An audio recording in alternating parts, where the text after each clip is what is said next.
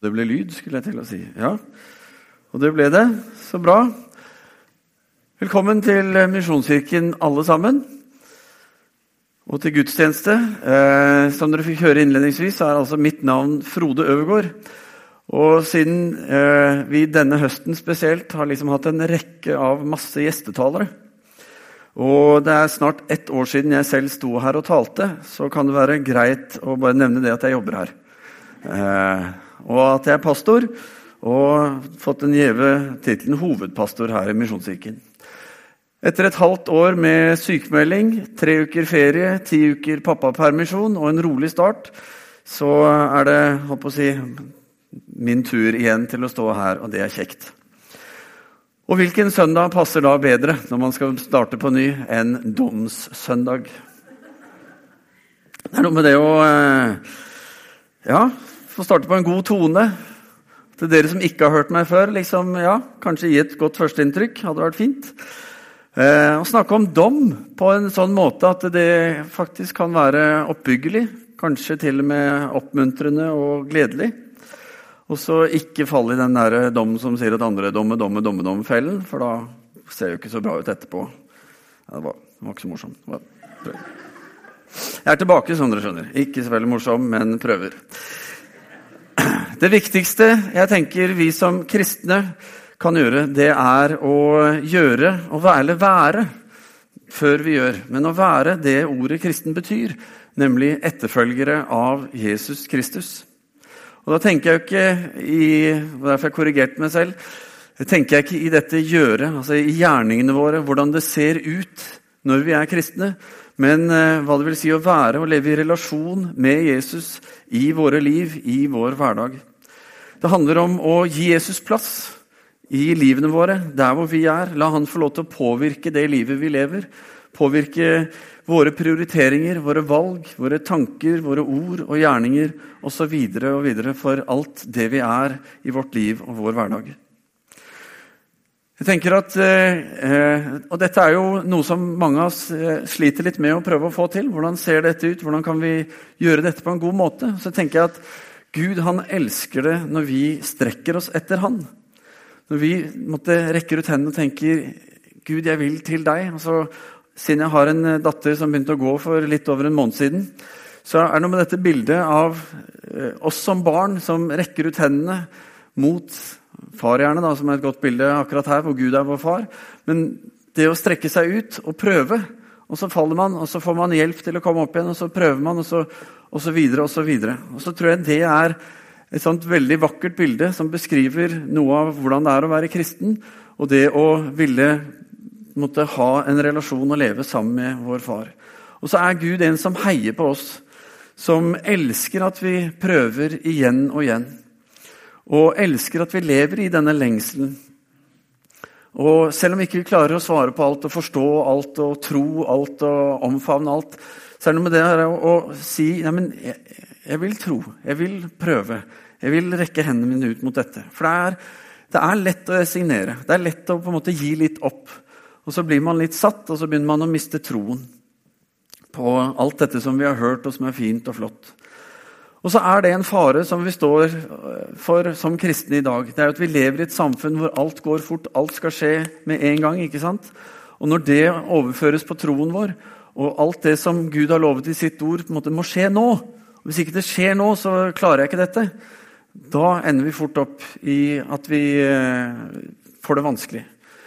Fordi eh, det er ikke vi som skal sette agendaen for når Gud svarer, når Gud møter, når Gud eh, stå fram slik han har sagt, osv., osv. For alle disse tingene. Og Dessverre så er det da noen sår som ikke lar seg gro, og kanskje noen sår til og med som blir dødelige underveis. Fordi vi måtte strever og vil og prøver. ikke sant? Og så er det så lett at vi dømmer oss selv i det bildet. Og så er det så lett at vi dømmer Gud i det bildet. Så tenker jeg, Da er det så viktig at vi fokuserer på Jesus. Fordi Jesus er den som kom for å vise oss hvem Gud faktisk er. Og så kom han også for å vise oss hvem vi faktisk skal få lov til å være i Han hvem Gud har kalt oss til å være. Og Derfor er han så viktig. Fordi Jesus er den som er mellommann. Det er han som bærer all verdens synd. Det er han som eh, mer enn noe ønsket å åpne en vei, skape den veien som er mellom eh, oss mennesker og Gud, vår Far i himmelen. Nettopp for at vi skulle få leve sammen med Gud, ha den relasjonen og den styrken i hverdagen. Og Jesus er altså nøkkelen til dette livet, og det er bare hos han at vi blir faktisk satt fri. Dagens tekst det er en alvorlig tekst. Dere har hørt den lest, Matteus 25, vers 32 til 46. Eller 31 til 46, er vel riktig. Eh, og Denne teksten står i en sammenheng hvor Jesus gjennom kapittel 24 og 25 har snakket om de siste tider og hva som skal skje da. Eh, og I disse to kapitlene, eller i dette endetidsperspektivet, det hele tatt, så er det så mye stoff. Eh, det er så mange detaljer som vi umulig kan berøre ordentlig her i formiddag. Men vi skal prøve å gi et kort bilde av noe av det. Og så er målet mitt at du skal kunne gripe det. Er vi heldige da, så blir det kort og gripende. Ja, den tok dere. Fint. Eh, men eh, ja, for dette er et stort tema. Så det blir ingen helhetlig eller entydig fremstilling av noe endetid her i formiddag. Eh, og sitter du igjen med spørsmål etterpå, så Eller jeg regner med at du sitter med spørsmål etterpå. Og det er fint. Prøv å jobbe med de spørsmålene. Ta det med til bibelgruppen din eller i samtalen, eh, kirkekaffen eller middagsbord eller hvor det måtte passe. Jobb med det, for det er viktige ting. Teksten som vi har fått lest i dag, eh, er avslutningen på disse to kapitlene om endetid som Jesus har i Matteus, i Matteusevangeliet. Eh, så Jesus har altså her i kapittel 24 snakket om trengsler som skal komme, om trengselstiden, den store trengselen.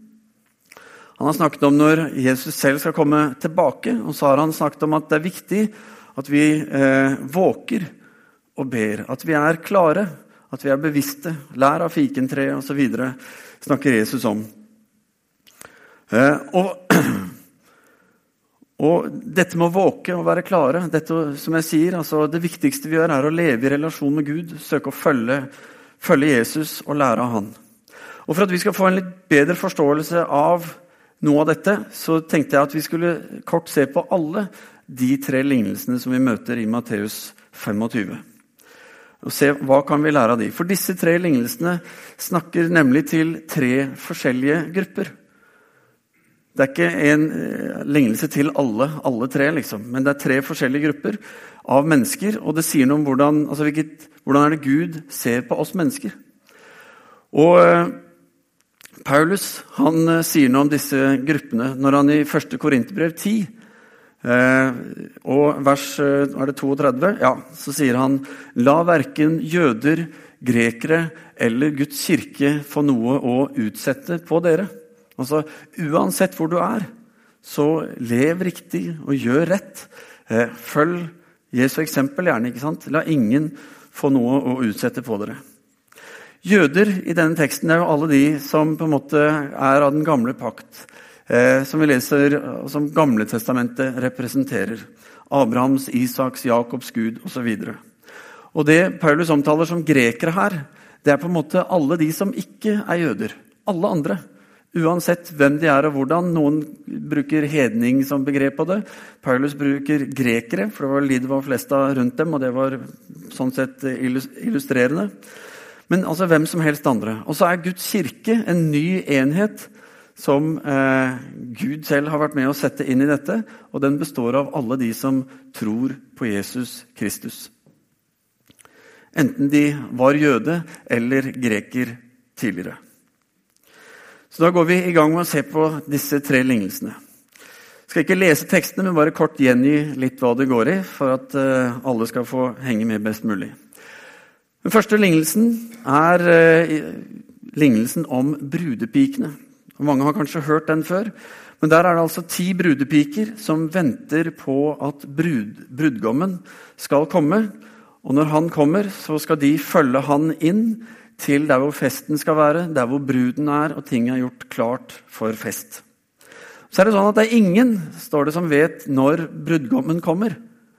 Men det er sendt ut invitasjon, et varsel om at det nærmer seg. Han kommer snart. Eh, og eh, ingen vet altså når han kommer, men faren vet det. For når faren ser at huset som brudgommen skal bo i, som han gjør klar for sin brud Når han ser at ok, nå har du, nå har du klart det, nå er det bra, fin den vinkelen osv., så, så sier han nå sier han til brudgommen, nå kan du gå og møte din brud. Nå kan du gå til festen som er gjort klar. Og Når brudgommen da kommer ut og er synlig i gatene, så strømmer folk da etter. Dette er en tradisjon som var i Israel den gangen. Sånn man gjorde det. Eh, og brudepikene de eh, skulle da følge og være med her. Men brudepikene hadde en eh, rolle, og det var jo at de hadde en oljelampe som de da skulle komme og lyse. Og så er det sånn i denne lignelsen at det er ti brudepiker. Fem av de har rikelig med olje, og fem av de har lite olje. Så når da endelig brudgommen kommer, så er det de som har lite olje, de har ikke da olje til å brenne, mens de andre har. Så det er fem stykker som går og blir med på festen, og fem av disse brudepikene som ikke blir med på festen. Denne lignelsen handler om jødene i disse tre folkegruppene, som, eller jøder, grekere og Guds kirke. Eh, og når Jesus kommer tilbake og møte med dem Det handler altså ikke om Guds kirke, vi som tror på Jesus, og det handler heller ikke om de som ikke er jøder og ikke tror.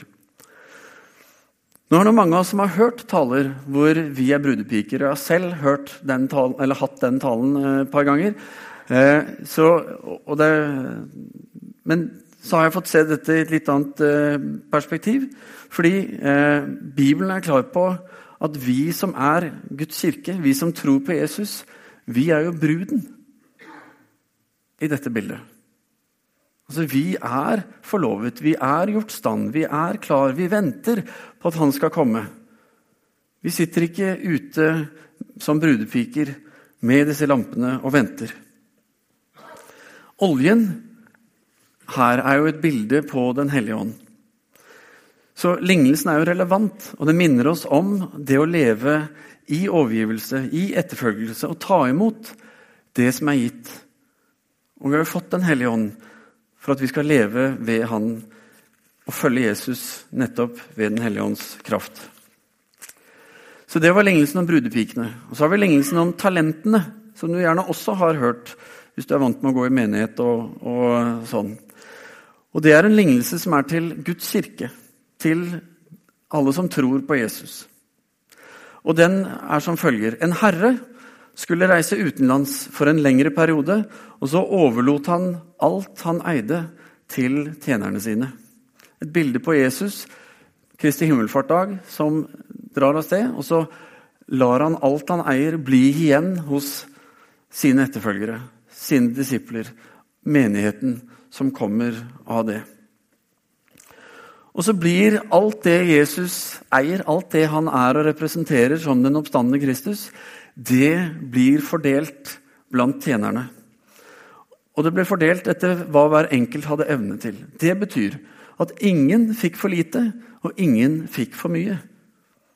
I forhold til hva de hadde evne til, og hva som passet for hver enkelt. Så står det at én fikk fem talenter, én fikk to talenter, og én fikk én talent. Og den som hadde fem talenter, hadde forvaltet dem slik at når Herren kom tilbake, så hadde han eh, fått fem til. og hadde da ti talenter. Han som hadde to talenter, hadde forvaltet de slik at det ble to til. Og, men så står det om han som hadde fått én talent, at han eh, gravde ned denne talenten. Fordi han eh, fryktet at han kom til å miste den. Og så tenkte han at ja, men, men herre, når han kommer tilbake, så kommer han for å holde regnskap og lure på hvordan det gikk. Så tenker han da har jeg i hvert fall den. Så han gravde den ned. Og Når da Herren kommer tilbake og skal føre regnskap over det som var gitt, så sier han til alle som hadde forvaltet sine talenter slik at det ble mer, så sier han, som dere ser på skjermen, bra, du gode og tro tjener. Du har vært tro i lite, jeg vil sette deg over mye. Kom inn til gleden hos din Herre. Og Han som da hadde fått én talent og gravd ned, leser vi han ble fratatt denne ene. For han hadde valgt å ikke gjøre noe med det han hadde fått. og ble da fratatt og ble sendt ut og vekk. Som kristne, som etterfølgere av Jesus, så er vi alle sammen gitt noe fra Gud. Og i sum så er dette vi har fått, det er den oppstandende Jesus Kristus. Alt det han var og er, alt det han eide, det har vi fått som menighet, som kirke.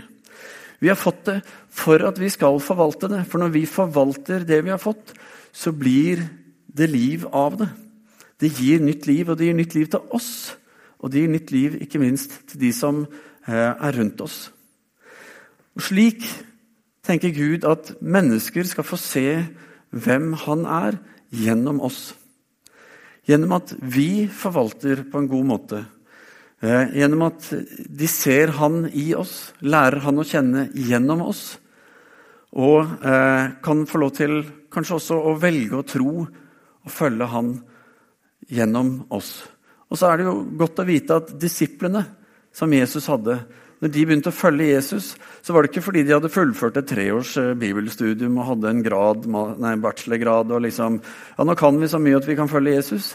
Nei, da var det jo folk som på en måte ikke levde som troende i det hele tatt. Som bare sa, som slapp alt det de hadde sa. Jeg vil følge.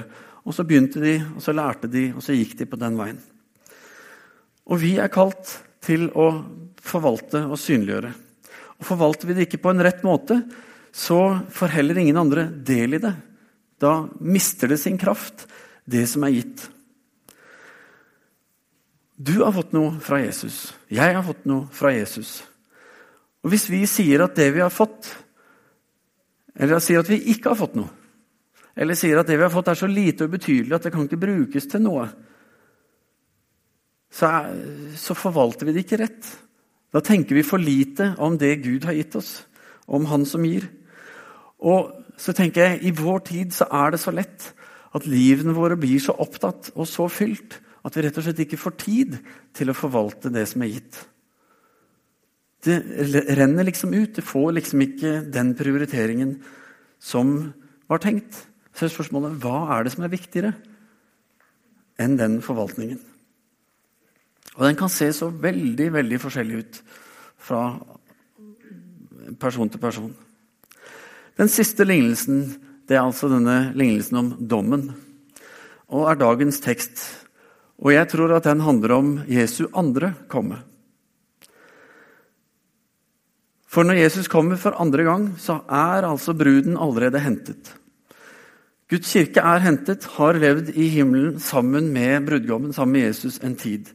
Og Når Jesus så kommer tilbake igjen for andre gang, så er det for å felle dom over de som ikke ble med første gangen. De som overlevde trengselstiden, hedningene. Eller grekerne, som er kanskje bedre ord. De ikke-troende. Og Vi ser i denne lignelsen at Jesus deler alle, han samler alle nasjoner, alle folkeslag foran seg, og så deler han de to. Som en hyrde deler sauene på den ene siden og geitene på den andre siden. Og Sauene det er de som har hjulpet disse hans eh, minste søsken, som han sier. Og geitene det er de som ikke har hjulpet, som på en måte bare har vært likegyldige til disse kongens minste søsken. Som eh, kanskje til og med har forfulgt og gjort det vanskelig for disse. Det ble nevnt innledningsvis i gudstjenesten at denne søndagen også heter Kristi kongedag. Og det er fordi eh, annet i teksten her så kommer jo eh, Jesus som konge. I lignelsen om brudepikene så kommer han som brudgom. Her kommer han som konge. Og som konge skal han også felle dom.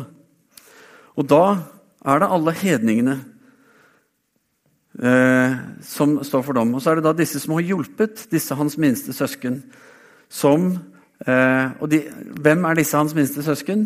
Jo, eh, forstått ut fra 5. Mosebok kapittel 17 med kongeloven osv., så, videre, så tenkes det at dette er rett og slett jødene. Kongens folk, hans egen, egne landsmenn, de han er en del av. For Jesus var jøde.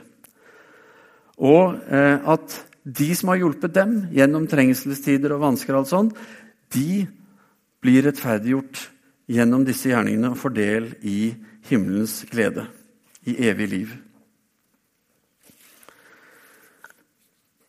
Henger dere med? Sånn passe? Ja, det er kjempelett stoff på en søndag formiddag, dette. Men den tyske forretningsmannen Oskar Schindler han var ikke jøde. Han var medlem av nazistpartiet i Tyskland under andre verdenskrig. Men allikevel så, så han dette forferdelige som skjedde med jødene. Og Så tok han ansvar, og så sørget han for at 1200 jøder ble reddet fra døden i konsentrasjonsleirene som nazistene hadde under andre verdenskrig. Han satte sitt liv, sitt rykte, alt han var, på spill, og gjorde det dermed høyst personlig. Hadde han blitt avslørt i et øyeblikk der, så hadde han antagelig blitt henrettet på stedet. Hvis det var klart hva han hadde gjort. Men han gjorde det allikevel. På graven hans Han er gravlagt i eh, Jerusalem. På graven hans ser dere kanskje ikke eh, veldig godt, men i navnet hans, og så er det en hebraisk tekst. og Så står det noe på engelsk, eh, nei, på tysk under der om at han som var frigjøringsmann for 1200 forfulgte jøder. Men på hebraisk der i midten så står det 'en rettferdig blant folkeslagene'. Som jødene har risset inn og sagt noe om, og som passer veldig inn i denne teksten her. Fordi nettopp han var en ikke-troende, men som gjorde dette. Så sier dette noe om denne lignelsen. Sier noe om eh, hvem den er rettet mot. Men så sier den også tenker jeg, noe veldig viktig om vårt forhold til jødene. Fordi eh, jeg vet det tidligere har vært en mye sterkere tradisjon på dette med å være opptatt av jødene og deres sak. Og så opplever jeg at både i mitt liv og i kirkene generelt så er vi mye mindre opptatt av det nå. Men Gud er opptatt av det. Og jeg tror kanskje at eh, vi skal være mer bevisst på det framover. Så skal ikke jeg si nå hvordan det kommer til å se ut, men jeg tror det er viktig at vi er bevisst på dette. Og Lignelsen her er med på nettopp å fortelle oss om det. Ok, Nå har jeg sagt mye om, og, og, samtidig lite om disse tingene. Det kunne vært sagt mye mye mer, og jeg vet langt fra alt om disse tingene. Men jeg tror at det allikevel er noen viktige perspektiver her som vi tar med oss i møte med denne teksten, i møte med vår forståelse av endetiden, og ikke minst eh, vår egen plass i dette scenarioet. For dagens tekst om dette å hjelpe disse mine minste søsken har eh, måtte endret seg i tolkning, og kanskje er den så ekstremt tolket i dag at den kan være, bety noe følgende som dette. Har du noen klær du ikke bruker lenger, som er på loftet, som kunne vært veldig praktisk for deg å rydde og få ut av huset, ja, så gi det til en veldedig organisasjon. Har du noe småmynt i lommen eller i vesken din, eh, sedler er litt voldsomt, men har du noen mynter, så gi det til noen, noen tiggeren som sitter der borte. Men ikke gjør et sånn veldig stort nummer ut av det. Gi penger til TV-aksjonen. Det er en god sak i år. Eller bli fadder. Det er en flott måte. Og så er alt dette bra og viktig. Men det er bra i den forstand at det er bedre enn ingenting. Og så er det samtidig ikke bra, for det er en upersonlig og ansvarsfraskrivende måte for oss som kristne å møte behovene i verden. Fordi behovene i verden er noe helt annet enn å kunne kjøpe seg en brødskive fordi jeg fikk en tier, eller osv. Selv om det er viktig, så er det et helt annet perspektiv. Kjenner kanskje det kinesiske ordspråket 'gi en mann en fisk, og han har mat for en dag'. Gi, lær han å fiske, og han har mat for resten av livet. Og Der tror jeg det ligger noe viktig for oss. Jeg skal komme tilbake til det. Men hva kan vi gjøre? Hva kan vi gjøre i vår hverdag, i våre liv? For det første så tror jeg det handler om å ta imot dette som er gitt oss. Dette som Jesus kom eh, og sørget for at vi skulle få del i. Jesus kom, han snakket om Den hellige ånd. Han ga oss Den hellige ånd for at vi skulle ta han imot. Eh, tro, bli fylt av han, ledet av han og leve Basere vår relasjon med Jesus på Den hellige ånds gjerning i våre liv. For Den hellige ånds primære oppgave Først og fremst Det viktigste han gjør, det er jo å hjelpe deg å fokusere på Jesus. Så Når vi gir han plass i livet vårt, han får lede oss, så hjelper han oss til å se tydeligere hvem Jesus er, og følge han. Oljen på lampen til brudepikene som symbol på Den hellige ånd, sier noe om hva som er fundamentalt for Guds kirke også. At Den hellige ånd er nøkkelen både for brudepikene når de skal komme der, men også for hvem vi er som menighet. Og så vet jeg at mange har hørt og sett og opplevd rare ting med Den hellige ånd. Så tenker jeg det, det handler litt om hvordan vi mennesker håndterer dette. Men jeg tror det er mye viktigere at vi tenker på at dette er det Gud selv, fra hans hjerte til vårt hjerte, som gir oss. For at vi skal få lov til å leve med han og bli ledet av han i vår hverdag. Og få alt vi trenger til vårt liv sammen med han. Så ikke frykt Den hellige ånd basert på hva du har sett og hørt. eller noe sånt. Men ta han heller imot i ærefrykt for hvem det er som faktisk gir deg sin hellige ånd. Og stol på han, at han vil lede deg, at han vil gi deg det du trenger der du er. Fordi Den hellige ånd er kraft og styrke. Han er visdom og kunnskap. Han er hjelp og trøst i vår etterfølgelse av Jesus. Og For det andre ta i, ta i bruk det som er gitt. Vi har altså i, Hvis vi ser på lignelsen om talentene, så har vi altså alle fått minimum én talent. Og vår bruk og forvaltning av den gir altså Den hellige ånd anledning til å legge til i våre liv.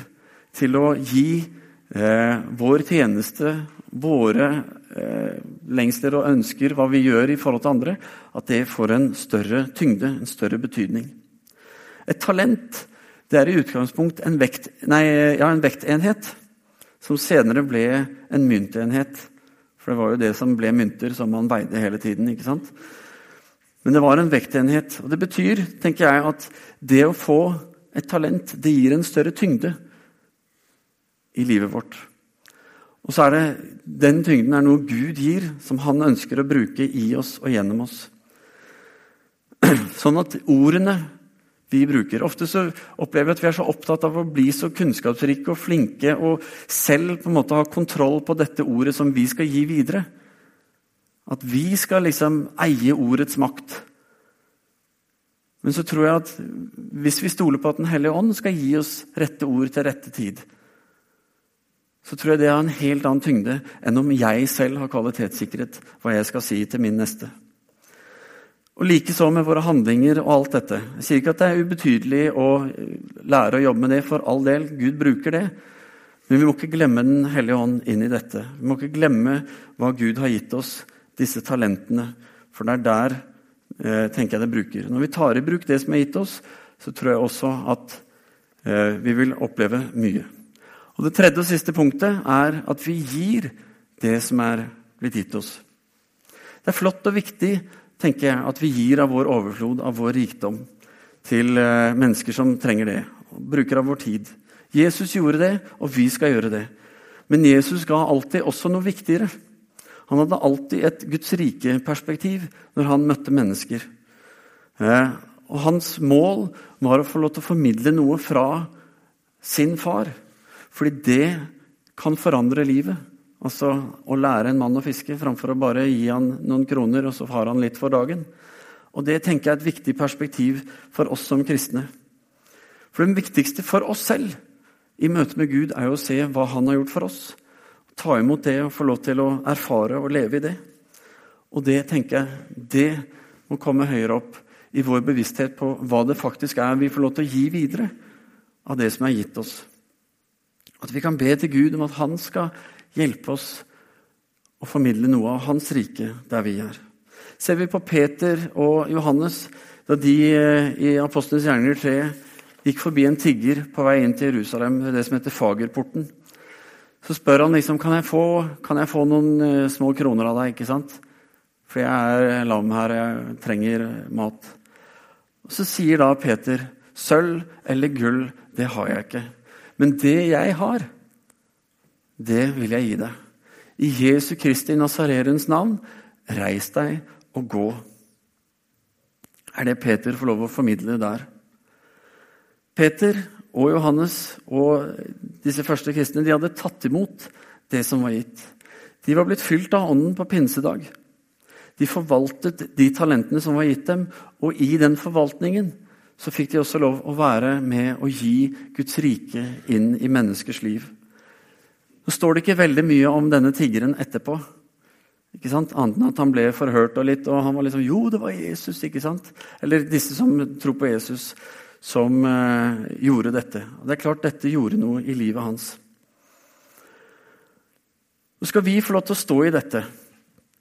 Så eh, tenker jeg at eh, vi må utfordre oss selv på et vis. Vi må ta steget lengre enn det å måte, gi av vår overflod. Men vi må se hva det som er gitt oss. Hva er det vi får lov til å være bærere av? Og så tenker jeg, Om du bruker mye tid på å sette deg inn i det først, så tenker jeg det er et kjempeviktig punkt. Jo mer vi forstår av hva Jesus har gjort for oss, jo lettere er det for oss å formidle det videre.